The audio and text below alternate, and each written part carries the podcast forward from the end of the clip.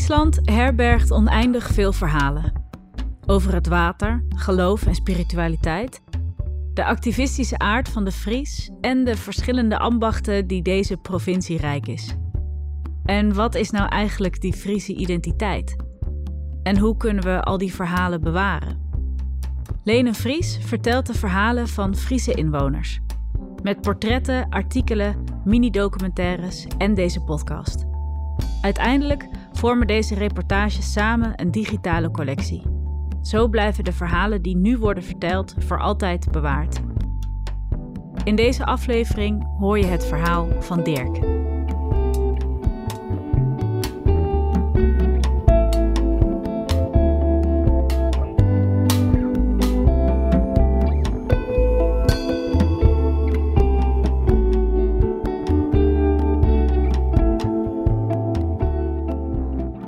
Is eh, Dirk Kuiken.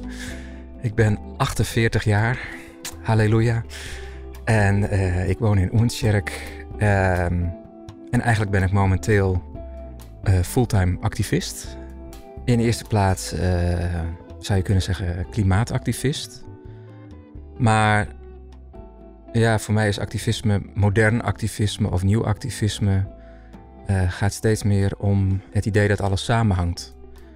Dus klimaatactivisme kan ook niet volgens mij zonder uh, feminisme bijvoorbeeld. Of um, waar ik de afgelopen tijd mee bezig ben geweest, uh, zonder antimilitarisme. Dus al die dingen hangen voor mij samen. Dus om, om daar nu een, een speciaal labeltje aan te hangen.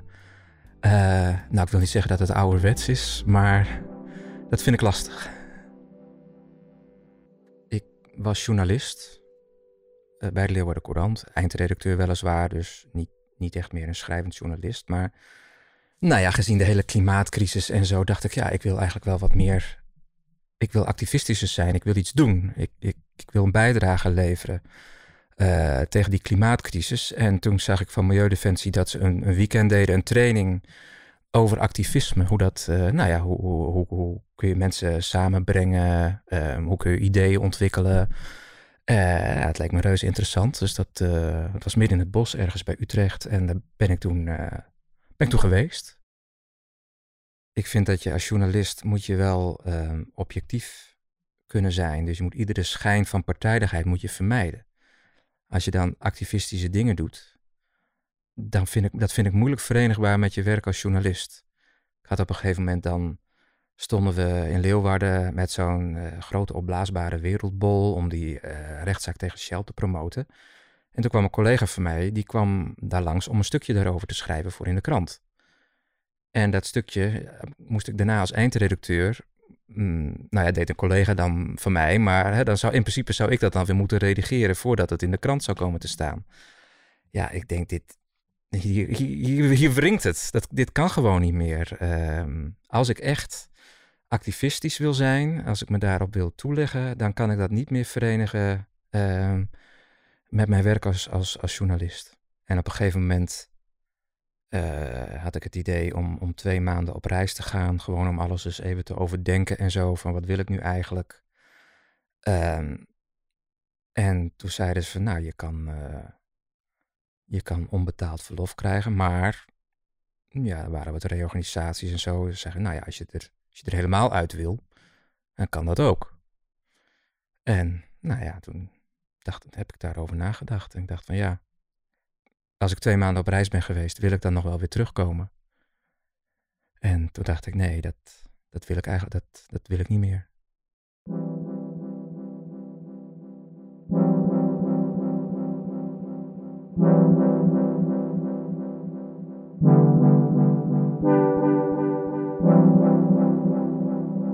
Het is eigenlijk begonnen bij die rechtszaak tegen Shell. Um, wij kregen toen vanuit Milieudefensie, hè, een van, nou ja, zeg maar de, de hoofdaanklager tegen Shell, ook de Waddenvereniging en zo vanuit Friesland deed daar aan mee. Uh, en, en toen zei ze, ja, we moeten, er moest geld ingezameld worden, want zo'n rechtszaak is duur. En advocaat, hoe goed die uh, ook is, die wil wel betaald krijgen. En dat, ja, kost veel geld. Dus er moest geld ingezameld worden. Er moest aandacht gegenereerd worden. Nou, wat hadden ze bedacht? We willen wel een, uh, een, een een, een quiz night, zo'n pub night of zo. Nou, het was coronatijd, dus om wat geld te... En ze ja, ja, weet je, eigenlijk als je nou echt aandacht wil eh, en, je, wil meer geld inzamelen, waarom gaan we niet fietsend naar het hoofdkantoor van Shell? Vanuit, nou ja, ik woon in Friesland, dus dan ga ik op de fiets daarheen. En als we dat met een groep doen en, en we komen daar aan, nou, toen vorderde dat idee wat en zei, nou, waarom gaan we niet naar, uh, als die rechtszaak start in Den Haag? Dat was toen op 1 december. Dan fietsen we daarheen naar de, naar de start van de rechtszaak. En nou, dat, ja. En uh, ik had van een, van een paar jaar geleden nog een, een grote opblaasbare wereldbol van Milieudefensie. En die had ik per ongeluk nooit teruggestuurd. Die had ik nog in de garage liggen. Ik denk, nou, als ik die nou op mijn fietskarretje achter de fiets meeneem. Dat zal nou, dat, dat, dat, dan zien mensen je. Dat levert vast veel uh, aandacht op. En dan kun je met mensen in gesprek gaan. En nou ja, als we ergens langskomen, vinden misschien de, de lokale media vinden dat wel grappig om daar iets over te publiceren. Uh, en zo hebben we dus ja, eigenlijk in hele korte tijd vanuit Groningen en, en Leeuwarden zijn we op de fiets vertrokken. In, in drie dagen naar Den Haag gefietst. En um, toen we er aankwamen, uh, stonden heel veel media stonden daar bij die rechtbank. Dat is een heel saai stukje Den Haag. Allemaal hoge gebouwen en een winderig plein. En nou ja, het was uh, 1 december, dus uh, viezig en koud. En daar stond de directeur van Milieudefensie en verder was er eigenlijk niks. Uh, dus voor media, nou ja, die willen altijd een mooi plaatje. Die willen beeld bij een verhaal. Die, ja, anders is het eigenlijk is het niet goed. Zeker in tijd van internet moet je daar iets, een filmpje of een beeld moet daarbij zitten. En dan kwamen wij daar ineens op onze fietsjes met die wereldbol. En ze sprongen allemaal bijna letterlijk bovenop ons. Al, nou ja, uh, Al Jazeera. Nou, het was wereld, wereldwijd media. Dat was natuurlijk een hele interessante rechtszaak. Eigenlijk de eerste grote rechtszaak tegen zo'n bedrijf. We hadden het Urgenda hadden we al gehad. Uh, rechtszaak tegen de staat. Maar tegen zo'n zo'n zo'n enorm uh, internationaal bedrijf niet. dus overal waar het over die rechtszaak ging, uh, op journaals, uh, waren wij met onze wereldbol te zien. Dus toen dachten we, nou, dit is wat fantastisch. En we hadden ook nog best veel geld ingezameld. We hadden een cheque overhandigd daar aan Donald Pols, de directeur van Milieudefensie. Dus we dachten, nou, wij moeten hier meer mee doen. Dit is zo, dit is zo leuk. En uh, toen zei, we hadden het met z'n drieën georganiseerd. En Laudi uit Amsterdam, een van mijn mede-organisatoren, die zei, nou, we zijn ook net een paar luchtfietsers. En zei, nou, de naam hebben we nu al. En, en ja, zo is het een beetje, uh, een beetje gaan rollen. Ik vind zelf uh, een prachtige naam. Omdat het is eigenlijk een soort geuzennaam, vinden wij. Omdat luchtfietsen, dat staat natuurlijk een beetje, ja, dat... Een luchtfietser is natuurlijk een soort Don shot. Iemand die allemaal prachtige ideeën heeft, maar waar natuurlijk nooit iets van terecht komt. En uh, ja, als je iemand een luchtfietser noemt, dat is dan een beetje een, een naïef type. Fietsen is natuurlijk een heel klimaatvriendelijke manier van, van, van transport eigenlijk, als persoon zijnde. En je staat ook in direct verbinding met, met de wereld om je heen. de, als je in een auto zit, dan zit je toch in een soort kokon. En wat er buiten jou gebeurt, als er iemand achter jou staat, van jouw eigen uitlaatgassen, heb jij geen last. Maar de fietser of de mensen die achter jou staan, die, die zitten wel in, de, in het lawaai en in, in, in, in de stank. En de ruimte die je inneemt, heb je zelf niet zoveel last van. En op de, op de fiets, ja, dan, dan merk je wel je ziet de mooie dingen van de wereld. Je fietst door de natuur of mooie steden. Maar je ziet ook de lelijke dingen. Je komt ook door de industrieterreinen. Je ruikt de stank. Um, dus het is een veel intensere beleving van, van de wereld. En ook je komt in contact met mensen. Je kunt met mensen praten. Je kunt even stoppen. Ja, dat doe je in een auto. Doe je dat niet. Dus in die zin komt voor mij daar wel heel veel samen. Um, op een hele natuurvriendelijke manier klimaatvriendelijke manier bezig zijn uh, om ergens te komen. Um, maar ook het idee, um, nou ja, het fietsen op zich, het bewegen, is, is eigenlijk ook heel fijn en prettig voor jezelf.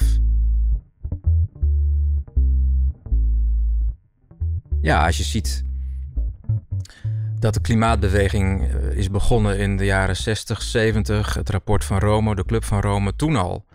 En dat iedereen toen eigenlijk al wist van dat dit eraan zat te komen. Ja, dan is het eigenlijk heel moedeloos van te worden dat we nu nog eigenlijk, eigenlijk nog moeten beginnen. Als je ziet hoe urgent, uh, het, hoe urgent de klimaatcrisis is en rapport na rapport wat zegt hoe korte tijd we nog eigenlijk hebben om er echt iets aan te doen. Ja, als je dat echt serieus neemt, En iedereen zegt, oh ja, het is hartstikke erg en oh ja, vreselijk. Maar als je ondertussen gewoon doorleeft zoals je altijd al uh, hebt doorgeleefd, ja, hoe neem je het dan wel serieus? Weet je, dat, dat denk ik nee. Dat, dat, kan dus niet even niet.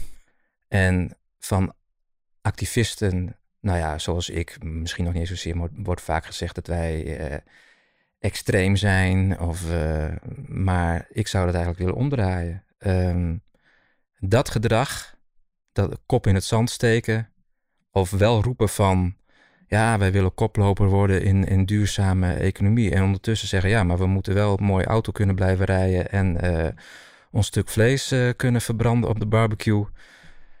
Uh, dat vind ik pas extreem. Want daarmee zend je totaal de verkeerde boodschap uit. En, en doe je eigenlijk ook helemaal niks aan het onderliggende probleem. Namelijk ja, het, het onderdrukkende systeem waar we in zitten. Het, het, een systeem van uitputting van, van de aarde. Ja. Dus dat, dat, ik vind het uh, eigenlijk onbegrijpelijk. Uiteindelijk zijn we allemaal een soort slachtoffer of een speelbal van, nou ja, ja, toch het economische systeem. En wat de overheid doet momenteel is inderdaad het afwentelen van nou ja, de gevolgen van de klimaatcrisis of het, het, zoeken naar oplossingen daarvoor, het afwentelen daarvan op ons als burger. We moeten wat minder gaan douchen en nou ja, dat is nu vanwege de oorlog in Oekraïne en onze afhankelijkheid van Russisch gas. Dus dan is de vraag van ja, waarom heb je dat niet tien jaar eerder dan gezegd? Hè? want ja, toen waren die klimaatproblemen er ook al. Maar ja, natuurlijk is het maar een druppel op een gloeiende plaat als je ook niet het hele systeem wat daar verantwoordelijk voor is, als je dat niet aanpakt. En dat is wel een verantwoordelijkheid. We zijn bezig met alles en iedereen uit te putten. Door steeds maar te willen groeien en, en meer te kopen, kopen, kopen. Meer winst, meer dit, meer dat. Alles moet groter en beter. En, en, we moeten allemaal maar rijker worden. Tenminste, nou ja, die enkelingen. En we zijn zo bezig elkaar, vooral arme mensen uit te putten die al het werk voor ons doen. Hoeveel mensen zijn er niet die, die last hebben van een burn-out of die aan yoga doen of weet ik wat ze allemaal aan spiritueels doen, omdat ze weer moeten ontspannen, zodat ze weer aan het, zodat ze het werk een beetje kunnen volhouden. Eigenlijk waanzin dat je eigenlijk dat soort dingen doet, zodat je weer werk, kunt werken voor een baas. Maar ik las laatst een stukje, een mooi boekje, en die zei van de samenhang zit erin dat um, niet alleen wij mensen een burn-out hebben, maar dat eigenlijk de hele planeet heeft last van een burn-out. Ook die wordt uitgeput. Het is een privilege dat ik dit kan doen op dit moment, omdat ik wit ben en hoogopgeleid en ik nou ja, nog wel enigszins over wat geld beschik. Niet veel, maar goed, ik kan me dit veroorloven. En aan de andere kant denk ik, ja, andere mensen hebben niet die optie. Uh, en ik zie ook heel veel jongere mensen die denken van ja, die aarzelen van ja, maar ja, ik, ik, ik moet straks wel een baan hebben, studenten. Die zeggen ja, ik, ik moet aan het werk dan is het goed dat ik het voor hun kan doen. Dat ik het in hun plaats, dat, ik, dat iemand het toch kan doen. En dat is dan, dus ik maak gebruik van mijn privilege om, om, om dan toch die actie te voeren. Die andere mensen misschien zouden willen, maar die niet in de gelegenheid zijn. Of het niet durven, om wat voor reden dan ook. En uh, ja, dat geeft mij een heel goed gevoel. Hier was uh, de afgelopen weken in Leeuwarden de vliegbasis Frisian Flag, een grote internationale vliegoefening. We hebben de, eh, Nederland heeft nu net die, die F-35 uh, eh, gekocht. Hè, dat nieuwe uh, toestel wat de F-16 moet vervangen. Die machines, die, die moordmachines zal ik maar zeggen, of die, die F-35, laten we die dan noemen, een ontzettend vervuilend ding is. Maakt ontzettend veel lawaai. Nou, dat is voor omwonenden heel vreselijk. Maar ja, oké. Ehm, het is een ontzettend vervuilend ding. Als je het hebt over stikstof, fijnstof, maar ook CO2-vervuiling. Het ding dat dat verbruikt een brandstof, dat wil je niet weten. Eén uurtje vliegen met zo'n F-35, daar kun je acht jaar voor auto rijden met je dieselautootje. Dus daar ga je, gaan wij dan met al onze goede bedoelingen, met uh, de kachel uh, twee graden lager zetten, wat minder douchen. Terwijl dat ding een uurtje in de lucht vliegt en een beetje oefent. En uh, ja, de uitstoot voor heel Friesland misschien weer in een uurtje verstookt heeft. Dus daar komen voor mij twee dingen echt samen. de klimaatcrisis, en ook, nou ja, je ziet dat er steeds meer conflicten ontstaan door droogte, uh, watertekort, uh, voedseltekort. wat te maken heeft met klimaat. Dus daar komen oorlogen waarschijnlijk uit voort. Daar komt strijd uit voort. Mensen die moeten straks vechten daar of gaan vluchten uh, ergens heen. En, en, en dat kan een bron zijn voor, voor extremisme, voor, voor nou ja, groepen zoals IS weer. En wat gaan wij dan doen? Dan sturen we ons vervuilende leger naartoe. Om daar die mensen dan weer kapot te schieten. En ondertussen eh, nog weer ontzettend veel fossiele brandstof in zo'n oorlog te gaan verstoken. En daarmee de, de klimaatcrisis weer te gaan versterken. Waardoor er nog meer conflicten ontstaan. Dus eh, dat is een enorme visueuze cirkel waar je dan in belandt. Dus daar komen die dingen voor mij echt samen. Dat eh, het militarisme en, en de hele klimaatproblematiek, het versterkt elkaar enorm. Dus in plaats van, vind ik, geld steken, nog meer geld steken in defensie. Uh, je moeten wij als gek geld steken in hoe we de klimaatcrisis gaan oplossen. Over twee of drie generaties, dan, dan staat misschien half Nederland onder water. Dat is, dat is het scenario wat wordt geschetst door de wetenschap. En als je het hebt over vrede en veiligheid, dan vind ik dat, wat is nu het grootste gevaar voor onze veiligheid hier, hier in Nederland? Dat is dat we over 50, 60, 70, nou ja, we weten het niet precies, maar dat half Nederland hier onder water komt te staan, dat is een bedreiging voor onze veiligheid. Niet dat die Russen uh, misschien morgen of over een jaar bij ons op de stoep staan. Houd toch op. En, en daar wil ik mensen bewust van maken. Uh, en je ziet het ook bij zo'n zo'n zo'n internationale oefening. Daar komen allemaal van die spotters hè, komen daarop af met grote verrekijkers en, en fotocamera's. En prachtig. Al die straaljagers. Het is natuurlijk ook fascinerend om te zien, die dingen. Hoe hard en hoe, dat, hoe, hoe luid. En, het zijn gewoon moordmachines. En daar moet je niet, dan kun je misschien zeggen van oké, het is een noodzakelijk kwaad als je dat vindt. Maar om het te presenteren als een feestje, dan denk ik, ja jongens, dit is echt stoer macho praat. Dit, dit, zijn, dit zijn jongetjes die, die een mooi nieuw eh, speeltje hebben. De dag voor die oefeningen begonnen, hebben we een stiltetocht georganiseerd. Dus, voor, voor omwonenden, om de, basis, om de vliegbasis heen. Kon je wandelen of fietsen. Um, gewoon ook als protest tegen de herrie eigenlijk. en de vervuiling in de omgeving. Um, we hebben een debatavond georganiseerd over de relatie tussen militarisme, uh, de klimaatcrisis en ook activisme, vroeger en nu. En uh, we hebben op de laatste dag een eh, blokkade van de hoofdingang van de basis hebben gehouden, samen met Extinction Rebellion. En we hadden ons vastgeketend aan elkaar en aan bakken met boompjes die we hadden meegenomen. Onze slogan was geen bommen maar bomen om de relatie tussen nou militarisme en klimaatcrisis uh, duidelijk te maken.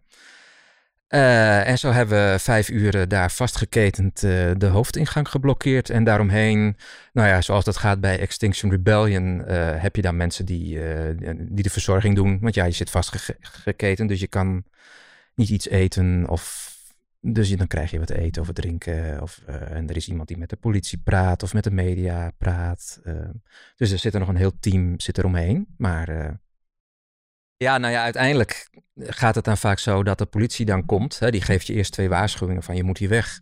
En bij de derde waarschuwing, dan gaan ze je echt verwijderen. En nou als je vastgeketend zit, betekent dat uiteindelijk dat ze je waar je dan aan vastgeketen zit, moeten losbranden, snijden. Nou ja, hoe ze dat dan ook maar doen. Maar dat moment hebben wij niet afgewacht. We hebben na vijf uur gezegd, nou, we hebben ons doel bereikt. Uh, we hebben heel veel aandacht getrokken. Um, media-aandacht. Uh, voorbijgangers hebben het gezien. Defensie zelf heeft het ervaren dat het niet iedereen blij is met wat ze doen. Um, dus het doel is bereikt.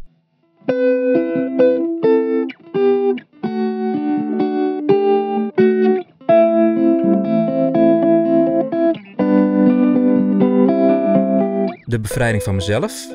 Dat is wat ik met de luchtfietsers doe. En, en, en, met de andere acties. Omdat ik heb me altijd zo opgesloten gevoeld in deze maatschappij. Als je op de, op de... Ik zat op lagere school, nu de basisschool. Er wordt al zo, je wordt al zo ingepeperd dat jij straks in de maatschappij moet functioneren. Dat je moet gaan werken, dat je een baan moet vinden. Dat je, dat je verantwoordelijk bent uh, voor het functioneren van de maatschappij zoals die nu is. En daar heb ik grote moeite mee. Waarom zou ik keihard moeten werken um, zodat ik een woning kan betalen? Het is nu helemaal een drama voor jonge mensen om, om een, een, beetje een leuke woning te krijgen. Terwijl ik denk, ja, ieder mens heeft toch recht. Uh, en we hebben, we hebben ruimte genoeg, we hebben geld genoeg met elkaar om ervoor te zorgen dat, dat iedereen een beetje een aardige plek heeft, droog en, en, en dat je warm water hebt en weet ik wat. eh, waarom zou je daar zo ontzettend krom voor moeten liggen? Dat, is, toch, dat, is, dat is toch helemaal geen automatisme dat dat zo zou moeten zijn. Dat je moet werken. Dat je niet dingen kunt doen die je eigenlijk liever zou willen doen of die je belangrijker vindt. En dat dingen die wel belangrijk zijn, het opvoeden van kinderen of het, het, het verzorgen van, je, van een ziek familielid of dat je daar helemaal niet voor betaald krijgt, dat dat helemaal niet als werk wordt, wordt gezien. Ik heb dat altijd een heel raar idee gevonden, dat het, waarom eigenlijk het, het zwaarste werk of het vervelendste werk wat we hebben, dat dat het slechts beloond wordt. Dat vind ik ook zo'n zo'n absurd, uh, absurd iets. Dus in die zin vind ik het, het hebben van doelen, het, het willen halen van, van targets of dingen willen bereiken, ja, daarmee bevestig je eigenlijk de, de bestaande orde. Daarom spreek ik liever over met activisme dat ik andere mensen de boodschap wil geven van als het kan, probeer jezelf te bevrijden. Maak je los van die ideeën van dat, dat de wereld is zoals die nu is. En dat dat een noodzakelijkheid is dat die wereld zo is als dat die nu is. En daar staat voor mij de luchtfietsers ook voor. Durf te dromen van een, van een andere wereld. Zoals, zoals jij die voor je ziet. En hoe kan ik daar nou aan bijdragen? En hoe mooi is het dan, dat zag ik ook met die fietsers. Er waren mensen nou, die heel, heel enorm van fietsen, maar hadden nog nooit iets activistisch gedaan. En die vonden dat eigenlijk ook enorm bevrijdend. En die dachten altijd, ja, activisten, dat zijn toch hele, hele extremistische mensen. Nou ja, die zich vastketenen en in bomen vastmaken en allemaal, uh, nou ja. Maar dat is, dat is natuurlijk helemaal niet zo, dat wij allemaal zo heel... We zijn ook maar gewoon mensen, toch? Ik, ik zie mezelf ook nog niet echt als een diehard activist wat dat betreft. Uh, wat is dat eigenlijk? Niemand is heilig. Als we allemaal perfect waren, uh, nou, dat, dat zou een hele vervelende wereld opleveren. Uh, dus ik ben ook niet perfect. Ehm, wij hebben ook een auto thuis, een hybride, weliswaar, maar geen elektrische. Dat kunnen we niet betalen. We hebben nog geen zonnepanelen op het dak. Dat is, ja, dat is ook lastig, dat is ook duur. Maar goed, wij eten al jaren alleen biologisch. Ik, ja, ik ben zelf ook al jaren uh, eet ik veganistisch. Dus wel daar in ieder geval heel bewust mee bezig zijn. En ik heb gewoon voor mezelf gekeken van wat is nou het, wat zou het meest opleveren uh, van de dingen die ik doe uh, voor, voor het klimaatprobleem om die dan niet meer te doen. En dat ik dan nog steeds wel dingen in plastic verpakking koop. Nou ja, dat, dat is dan even zo. Iedere verandering begint altijd heel klein. En ja, dat is ook altijd zo dat activisme, in welke vorm dan ook, betekent altijd dat je iets wilt veranderen in, in de wereld zoals die nu is. En voor heel veel mensen die het nu goed hebben, of denken dat ze het goed hebben, of in ieder geval, nou ja, of tevreden zijn met wat ze nu hebben, of niet meer de hoop hebben dat het beter kan worden, is het heel vervelend als jij zegt van dat het anders moet. Dus dat je de, de, zeg maar de status quo wilt uh, wijzigen. Dus dat dat weerstand oproept, nou ja, dat is vervelend, maar het is ook, uh, het is ook goed. Want anders dan ja, bereik je ook niks. Durf na te denken uh, dat niet alles, dat de wereld niet per se hoeft te zijn zoals die nu is. Dat dat niet iets vanzelfsprekend is. Dat, dat, dat er een andere wereld mogelijk is, maar dat we daar wel zelf voor moeten zorgen. En eh, dat moeten we dus doen. Dat is niet alleen iets van dromen. Dat is mooi, maar dan, dat, dan is het echt luchtfietsen. Als je alleen maar droomt. Maar eh, ook er iets aan gaan doen. En ja, of het dan bereiken, ja, dat, dat, dat weet ik niet. Misschien gaat de wereld wel naar de knoppen. Uh, of de mensheid in ieder geval, de wereld waarschijnlijk niet. Die komt er wel weer bovenop als wij als mensheid er niet meer zijn. Dat is misschien wel beter voor de natuur. Maar als je iets doet, heb je in ieder geval je best gedaan.